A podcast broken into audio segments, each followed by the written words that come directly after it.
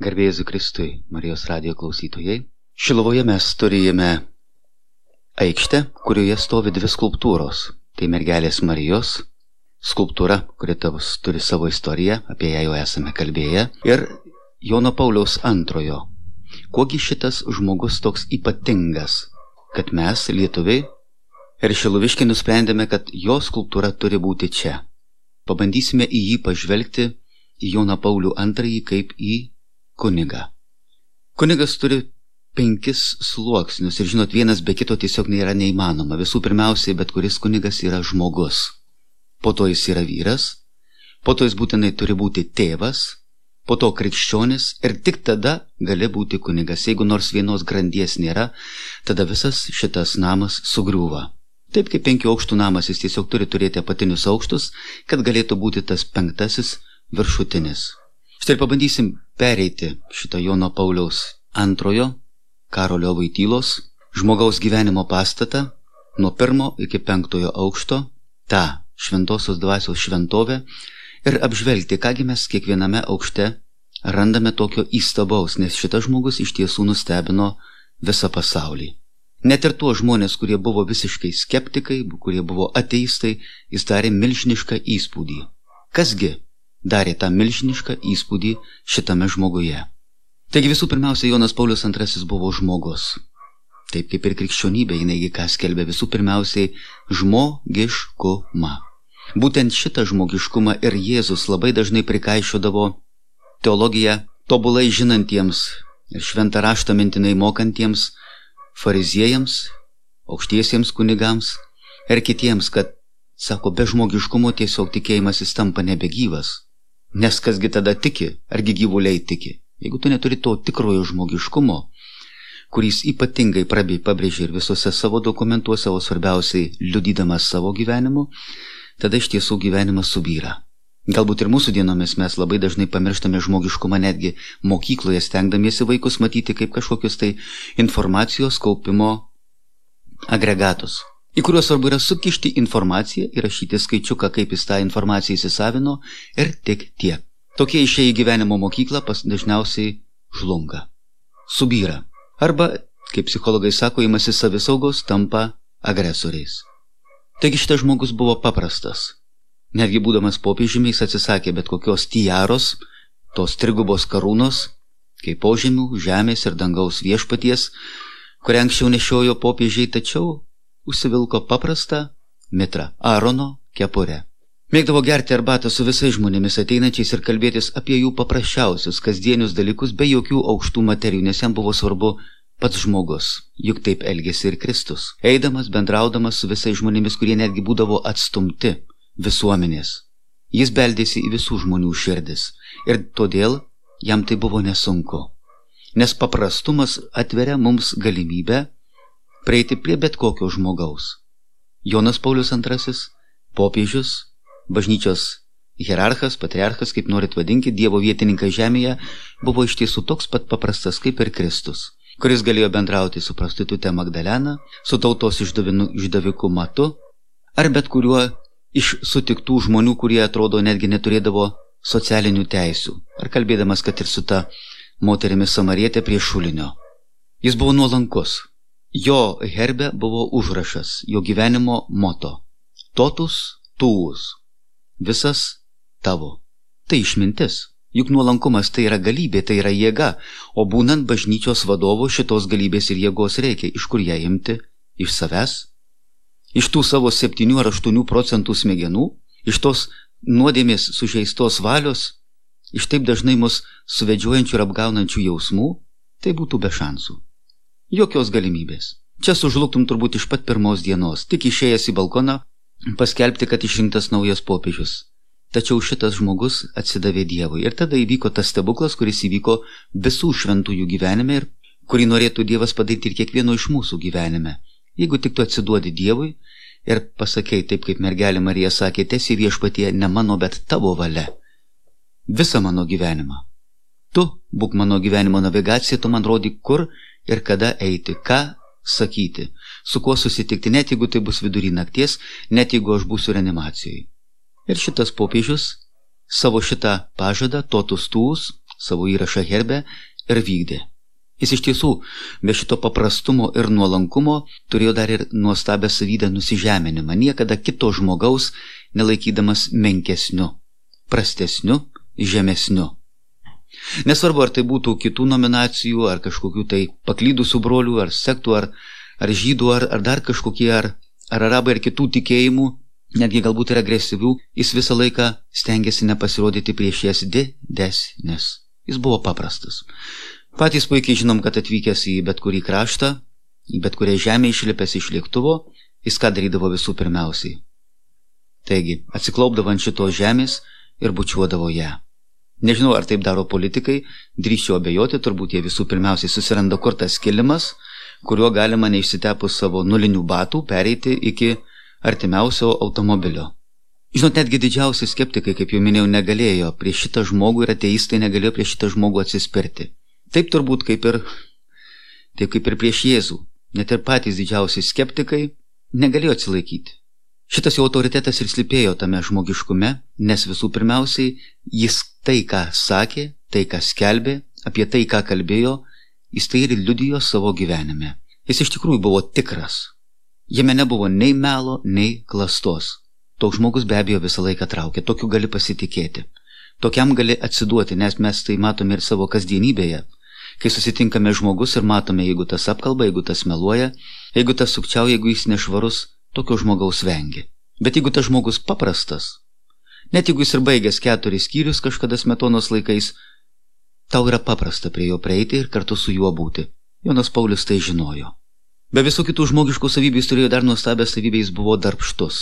Tikrai to žodžio prasme visas viešpatė esu tavo. Mažai miego, daug darbo, net prieš gydytojų valią, kurie, kurie turbūt labai dažnai tiesiog, na, patys naktim nemiegodavo, matydami, kad popiežius neklauso visiškai jų rekomendacijų, nežiūrėdamas po lygos ar po sunkiausių sužeidimų ar dar ko nors veržėsi, kur pas žmonės. Ir jis keliaudavo lūštančiais kaulais, keitė jam ir kojų protezus dėjo ir visa kita, nesvarbu. Lėkė, jeigu tik tais pajėgė nuo lašelinės atsijungti, jis jau lėkė pas žmonės. Galbūt todėl, kad nuo pat vaikystės stengiasi savo visus talentus išnaudoti, juos puoselėti.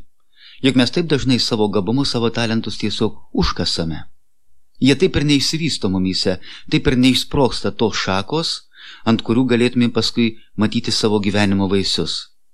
Mes tiesiog tos pomporus kartais netgi nuskabome.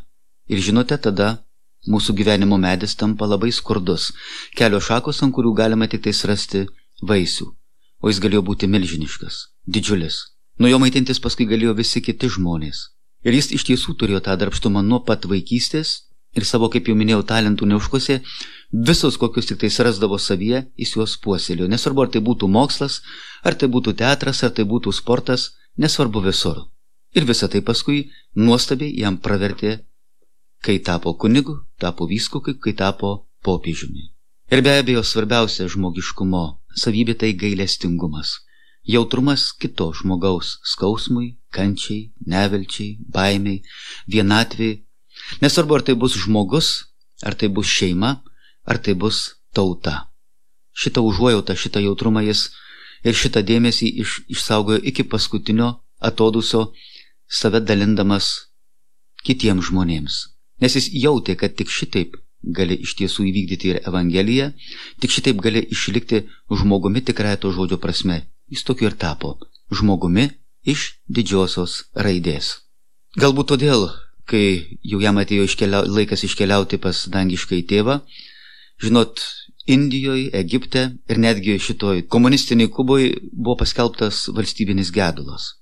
Tas žmogus, kuris iš tiesų atėjo, paliko čia savo dalį širdies, Jeigu būtų galės pajėgęs, jis būtų ir visą save išdalinęs. Kiekvienai šaliai, tačiau jis dalino visam pasauliu, visiems žmonėms. Tie žmonės įvertino, tie žmonės nustebo. Nes kiekvienas matė, kad jis atėjęs, ar tai būtų Indija, atrodo visai kito tikėjimo žmonės, ar Egiptas, ar pagaliau šitą komunistinį Kubą, kuriai atrodo krikščionybė ir tuo labiau popiežius turėtų būti visiškai svetimi, jis visų pirmiausia į kiekvieną žmogų žiūrėdavo su meile. Turbūt taip, kaip Tai darė ir visi šventieji kiekviename, matydamas kenčiantį, kiekviename matydamas, kad ir blogiausiame žmoguje potencialų šventai. Be abejo, šitoks žvilgsnis kiekvieną žmogų sušildydavo. Šitoks žmogų žvilgsnis kiekvieną žmogų anot getės pastatydavo ten, kuris ir turi būti. Paliesta šitokio gailestingumo ir šitokio paprastumo bei žmogiškumo, kiekvienas žmogus atsistodavo tarsi Dievo akivaizdoje. Taip iš tiesų kiekvienas iš mūsų, vykdydamas gailestingumą, galime savyje atrasti Kristų, tą, kuris gyvena mumyse. Leisti, kad jis darytų tos nuostabius dalykus tiesiog mūsų kasdienybėje, per tą paprastą žmogiškumą. Jonas Paulius II buvo ne tik žmogus, jis buvo dar ir vyras. Tai turbūt irgi traukė kiekvieną iš mūsų, matydamas, kad jis yra tvirtas. Patys įsivaizduokit žmogus, jeigu su, su protezai, su, su pabėgęs tik nuo lašelinių, lipa į lėktuvą, skrenda kažkur toliausiai, kam teko kažkur keliauti, kaip mūsų vienas vyskų pasakė, kai jo paklausė kažkada prie pietų stalo, ekscelencija, gal jūs žadate kažkur va, per atostogas, nu, atostogauti, išvykti kažkur keliauti, nesako vaikelė, kad kažkur atostogauti, kitur, sako, reikia turėti daug sveikatos. Sako, aš jos tiek neturiu. Jonas Paulius turėjo. Jo gausybė kelionių apie tai ir liudė, kad jis turėjo, na, neapsakomą tvirtumą. Nes žinot, jis jį ūkdė nuo pat vaikystės. Jis buvo alpinistas, gyveno tokiame krašte, kur yra daug kalnų, todėl nuo pat vaikystės laipiodavo į kalnus. Pradžioje gal su savo draugais, su bendražygiais, paskui su parapijos jaunimu ir kunigu. Net ir tapęs e, kunigu, vikaru, kopė, slidinėjo, plaukėjo baidarėm, žaidė futbolą. Ir tai, tai mokėjo visai neblogai. Tai nebuvo praščiokas. Ne, jam šitos sveikatos užtekdavo ir jis trykšdavo. Žinot, netgi kai jis sužinojo, kad jis e, bus e, vyskupas, paskirtas vyskupu, tuo metu jis plaukė baidarėmis ir gavo žinutę, vienoje sustojime jį pasivijo, sustojo ir pranešė, kad sako, turi nuvykti. Nuvyko į Krokovą ir ten pasakė, ten tu būsi vyskupas, tave išrinko.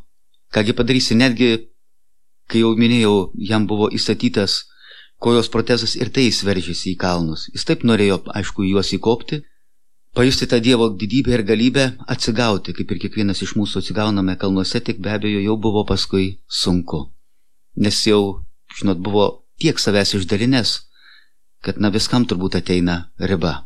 Vieną kartą netgi buvo toks atsitikimas, būdamas jau kardinolu, slidinėdamas nuklydo, po kalnų slidinėdamas nuklydo ir pakliuvo į, na ten sieną šalia Čekoslovakijos pakliudo į Čekoslovakiją ir jį sugavo pasieniečiai, sulaikė, kai jis pateikė savo dokumentus, nu, ten parašyta, kad tai yra Krokovos kardinolas. Be abejo, jį apkaltino, kad jis dar pavogė kažkokį tai, ar tik tai gal ko gero, gal net ir nudobė e, šitą Krokovos kardinolą, tik paskui po kiek laiko įsitikino ir, na, negalėjo, negalėjo patikėti, kad tai iš tiesų gali, na, kunigas, nu, vyskų, bet kardinolas suslidėm, paprastai apsirengęs treningėlius užsimetęs, Vilnonė kepurikė, pirštinikės ir savo varinėja tarp kalnų. Bet tai buvo tiesa. Tai tik paliudė, kad jo tvirtumą, nes šitos fizinės pratybos jam teikė valios tvirtumo. Nežinom, kada jis keldavosi, tai buvo galima nesunku nuspėti matant jo tą langelį iš Vatikano aikštės, kada ten užsidegdavo šviesa ir kada užgesdavo.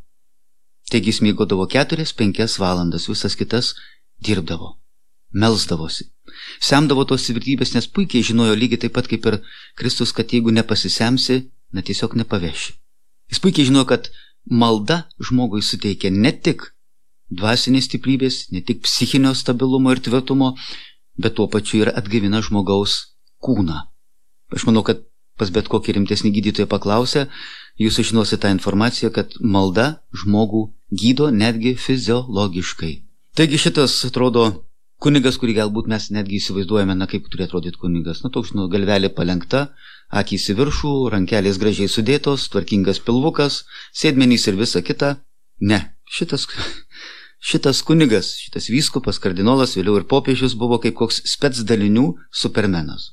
Nu, kaip koks Džeimsas Bondas. Tikrai to žodžio prasme, nu, įsivaizduokite, jis, sakau, tą tvirtumą išlaikė iki paskutiniųjų.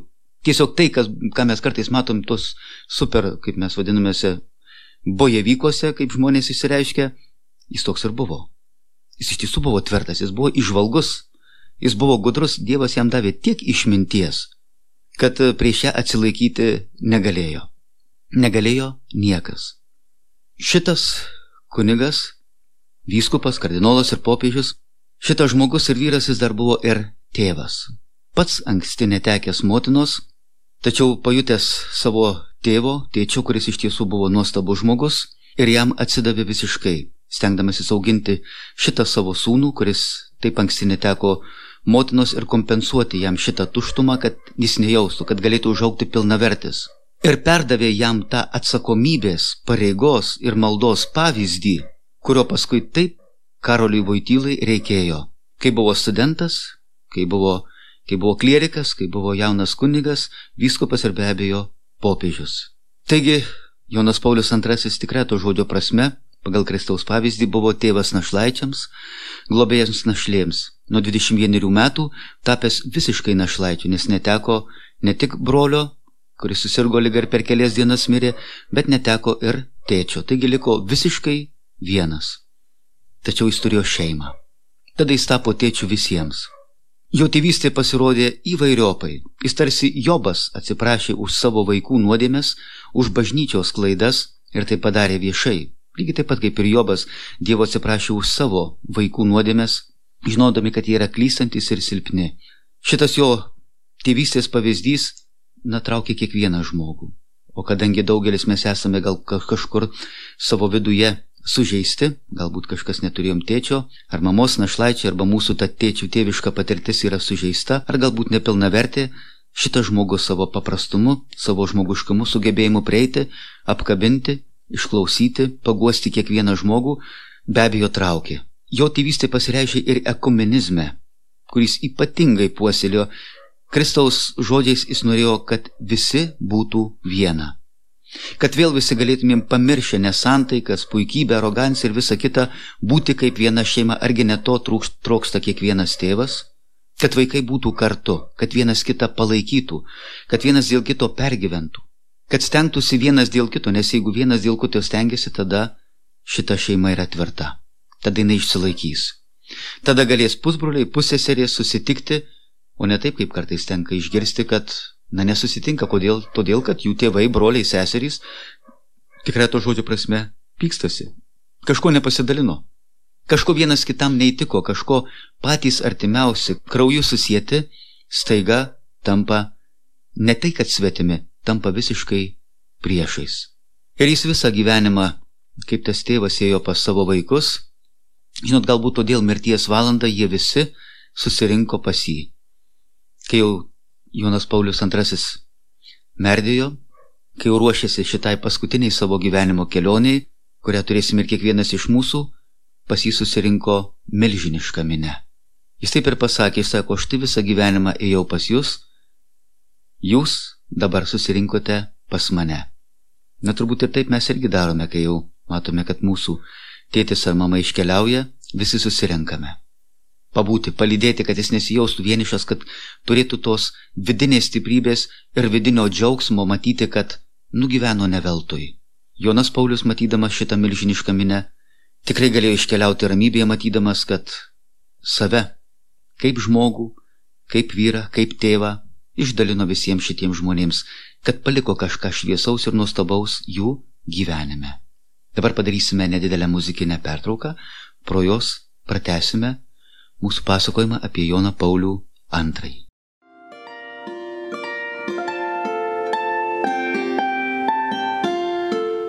Jūs girdite Marijos radiją.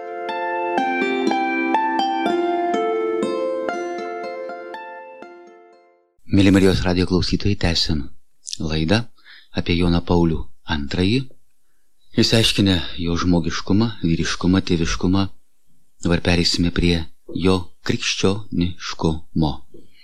Apaštas Paulius sakė, jau nebe aš gyvenu, bet manyje gyvena Kristus. Ko gero, matydami šitą žmogų, žmonės Joną Paulių II, daugelis žmonių iš tiesų matė jame Kristų. Jis buvo tas, kuris liudijo Kristų gesantį savyje. Ta, kurį kiekvienas iš mūsų gauname krikštu, tačiau, žinot, kartais Kristus taip ir lieka mūsų širdyje kaip kokiame kalėjime, kaip kokiame kape užritintas akmeniu. Bet jeigu išdrysi šitą akmenį nuritinti ir leidi jam išeiti iš šito kalėjimo, tada mūsų gyvenime prasideda stebuklai. Kai tik jį išrinko popiežiumi, pirmas žodis, kurį jis pasakė žmonėms, buvo nebijokite. Tai krikščionio pozicija. Nėra ko bijoti.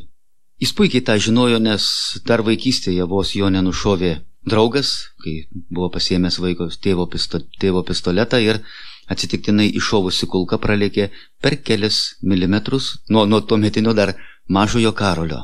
Vos jau nepartrenkė mašina, tiesą sakant, buvo partrenkusi mašina ir parą beveik pragulėjo be sąmonės, atsigavo, tačiau Dievas jam buvo parengęs dar daugybę dalykų. Vokiečiai, kurie buvo jo kaip kunigo ieškojo, nerado, nes tuo metu jis, klierikas, meldėsi. Meldėsi prie kryžiaus ir vokiečiai iškrėtė visą namą, tiesiog, na, įvyko tas stebuklas, tiesiog žiūrėsit, bet nematysit įvyko tai, ką aš manau daugelis iš mūsų gyvenime kartais matome kaip e, blogis iki mūsų, na, tiesiog neranda. Sako, net jeigu apie tave tūkstančių tūkstančiai kristų, tu liksi nepaliestas. Taip ir įvyko. Tiesiog vokiečių būrys atėjęs ir krėtęs tą namą, jo nerado kambariukį besimeldžiančio. Palėpiai. Tai buvo Jėzaus mokinys, jis uoliai mokėsi iš Jėzaus visų savybių.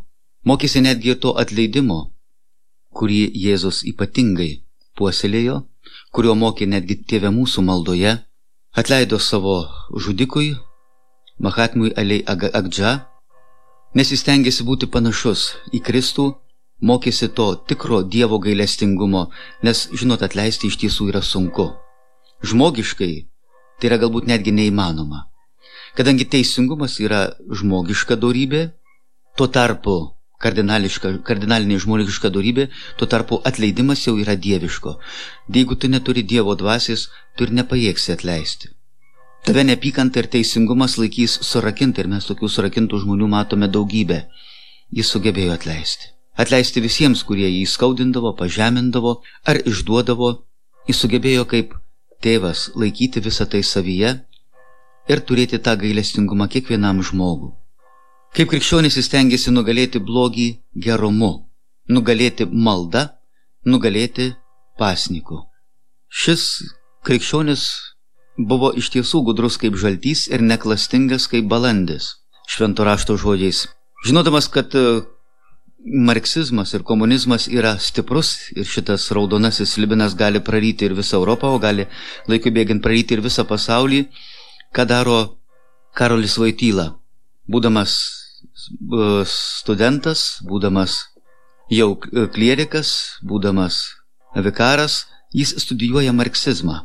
Studijuoja marksizmą, kad galėtų paskui jų pačių argumentais e, suvirškinti bet kokius ateistus. Ir žinot, tas labai paskui pravertė, kai jis buvo ir vyskupas, ir kardinolas, ir popiežius, kai jam reikėjo spręsti Lenkijos problemas atvykus čia kalbėtis Kuboje su Fideliu Castro ar, ar atvykti į Tarybų sąjungą, jis visur turėjo ką pasakyti, nes jis žinojo, kas už tų žmonių stovi.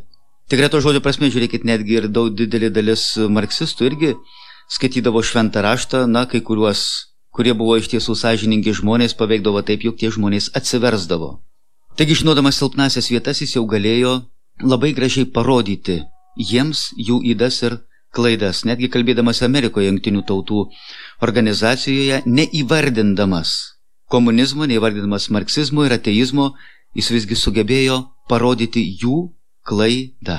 Kadangi jis buvo studijavęs marksizmą ir pats buvo iš darbininkų klasės, pats irgi yra dirbęs gamykloje daug laiko, jį buvo norėta padaryti e, raudonuoju vyskupu, raudonuoju kardinolu ir iš tiesų Maskva į tai dėjo labai daug vilčių. Tačiau mes patys puikiai žinome, kad tas, kuris iš tiesų apsisprendė save visą atiduoti viešpačiui, iš šitų dalykų tik tais juokėsi. Galbūt tuo labiau skaudesni buvo smūgiai, kai paskui pamatė, kad šitas kardinolas, kad šitas vėliau ir popiežius, iš tiesų, žinodamas marksizmą, tik įgyjo daugiau jėgų. Jono Pauliaus antrojo herbe mes matome kryžių ir po kryžiumi M raidę. Tai Marija. Mes žinome, kad po kryžiumi buvo Marija, dar kelios moterys ir Jėzaus mylimiausias mokinys - Jonas. Galbūt todėl ir šitas popiežius pasirinko ir Jono vardą, ir Pauliaus. Kasgi buvo paštas Jonas? Jonas buvo Jėzaus mylimiausias mokinys. Nežinau, galbūt dėl to, kad buvo ir įsilavinęs ir geriausiai suprasdavo Jėzų, visose situacijose, nes mes žinom, kad labai dažnai apaštalai, na tiesiog nu, nukrypdavo visiškai į pievas. Ieškodami žemiškos garbės, šlovės, tikėdamėsi postų ir taip toliau, galbūt Jonas, būdamas truputį labiau įsilavinęs, geriau galėdavo įsigilinti ir pajausti Jėzaus nuotaikas. Jo kartais ir neviltį, kartais ir jo kančią, kartais ir silpnumą. Ir tuo pačiu tai buvo Jonas Paulius. Kasgi buvo Paulius, Jėzaus žodžiais tai yra rinktinis. Būtent šis, kurio krikščionis nenorėjo pasitikėti, Jėzus pavadino rinktiniu, kuris vėliau tapo tautų apaštalu. Jonas Paulius II toks ir buvo. Jis buvo tautų apaštalas. Jis ėjo, skelbė, liudijo, kalbėjo, bendravo, stengiasi sujungti, ieškojo tai, kas mus vienyje, bet ne tai, kas mus skaldo. Tai, ką bažnyčia per ilgesnį laiką, per savo kartais hierarchų puikybę, aroganciją ar baimę suskaldė žmonės, šis stengiasi sujungti. Iš tiesų pergyvendamas, kad nesame viena Kristuje. Taigi tikra to žodžio prasme Jonas Paulius II atspindėjo Kristų, kuris ir gyveno jame. Tuo pačiu jis ir buvo ir be abejo ne tik krikščionis, ne tik Dievo atvaizdas, stengdamasis nugalėti blogį gerumu, juk Jėzus Kristus nugalėjo pasaulį. Jis buvo ir kunigas. Kunigas prieimęs tą Dievo anspaudą sakramentą, nes sakramentas reiškia anspaudą įspaustą į žmogaus sielą, jis tapo kunigu, vėliau vyskupu ir kardinolu, vėliau ir popiežiumi. Žinot, jaunystėje tapęs uh, į klierikų, jo svajonė buvo tapti basuoju karmelitu, kontemplatyviu, atsiduoti maldai. Nes matydamas šitą visą veiks, tą daugybę veiksmų, jis visgi tikėjo maldos gale ir jėga. Ir jis jautė, kad iš tiesų gali nežinot, ką daro medis. Atrodo, nieko, jis tau tiesiog stovi. Kokie šio nauda žiūri, matai malkas, viskas. Na, bent kokius medieną gali matyti, bet ne. Medis gamina deguonį. Ir jis jautė, kad va tie vienuoliai, kurie yra kontemplatyvūs, jie irgi gamina deguonį. Ir mes puikiai žinom, kad jeigu žmonės turi problemų, netgi, pavyzdžiui, žiūrėkite, rytų bažnyčioje. Yra popai ir yra vienuoliai, kur žmonės keliauja, kai jiems būna problemos į vienuolynus tik į vienuolynus ir ten savo ieško egzistencinių dar kažkokių problemų sprendimo. Na, kas su tuo nesusidūrėte arba nežinote, kaip tai yra, yra toks filmas Sala. Žiūrėkite tą filmą ir tada suprasite, apie ką eina kalba. Taigi svajojo tapti basuoju karmelitu, kontemplatyviu vienuoliu, bet visgi pakluso, kadangi šitą paklusnumą prisiekė, viešpačiai pakliuso ordinaro sprendimui, kad turės studijuoti. Ir studijavo Angelikum universitete, Romoje ir vėliau atsidavė studijoms, mokslams, kuriuos naudojo labai paprastiems dalykams. Jis mokėjo visus šitos dalykus, savo visus doktoratus ir visus teologinius laipsnius konvertuoti į paprastą žmogiškumą. Niekada prieš nieką nesipuikavo šito savo savybėm, bet sugebėjo kaip tas Sokratas iš tiesų, na, įvardinti tai, kad žinau, kad nieko nežinau, esu silpnas, esu tik tai stiprus tik tame, kuris mane stiprina. Štai dėl to kad taptų antruoju Kristumi, Alter Kristus, jis ir pasirinko šitą savo šūkį visas tavo, totus tuvus.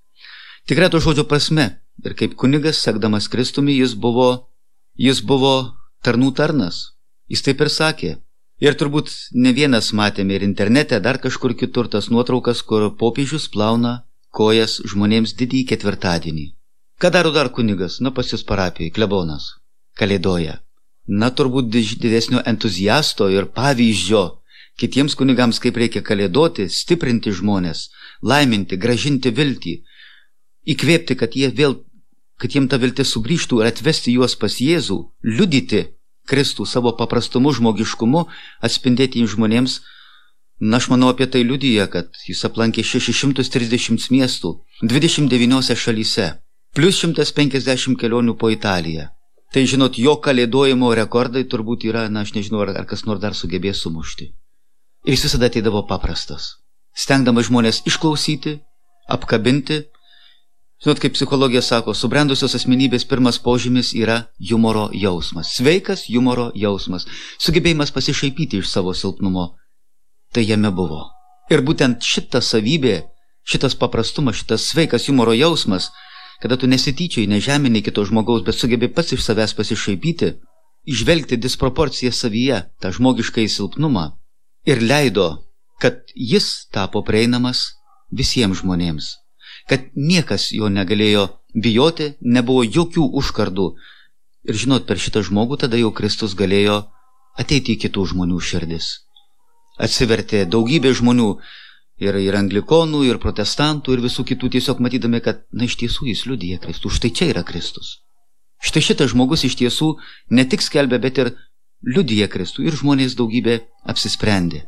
Taigi dėkojom viešpačiui už šį nuostabų liudymą, už nuostabų atvaizdą, už Joną Paulių II, kurį mes Šilovoje, kurio skulptūrą ir turime ir kurio dieną minėjo, minime pačioje atlaidų pradžioje. Rugsėjo 7 yra skirta Jonui Pauliui II. Dėkojame Marijos radio klausytojams ir iki kitų susitikimų. Su Dievu.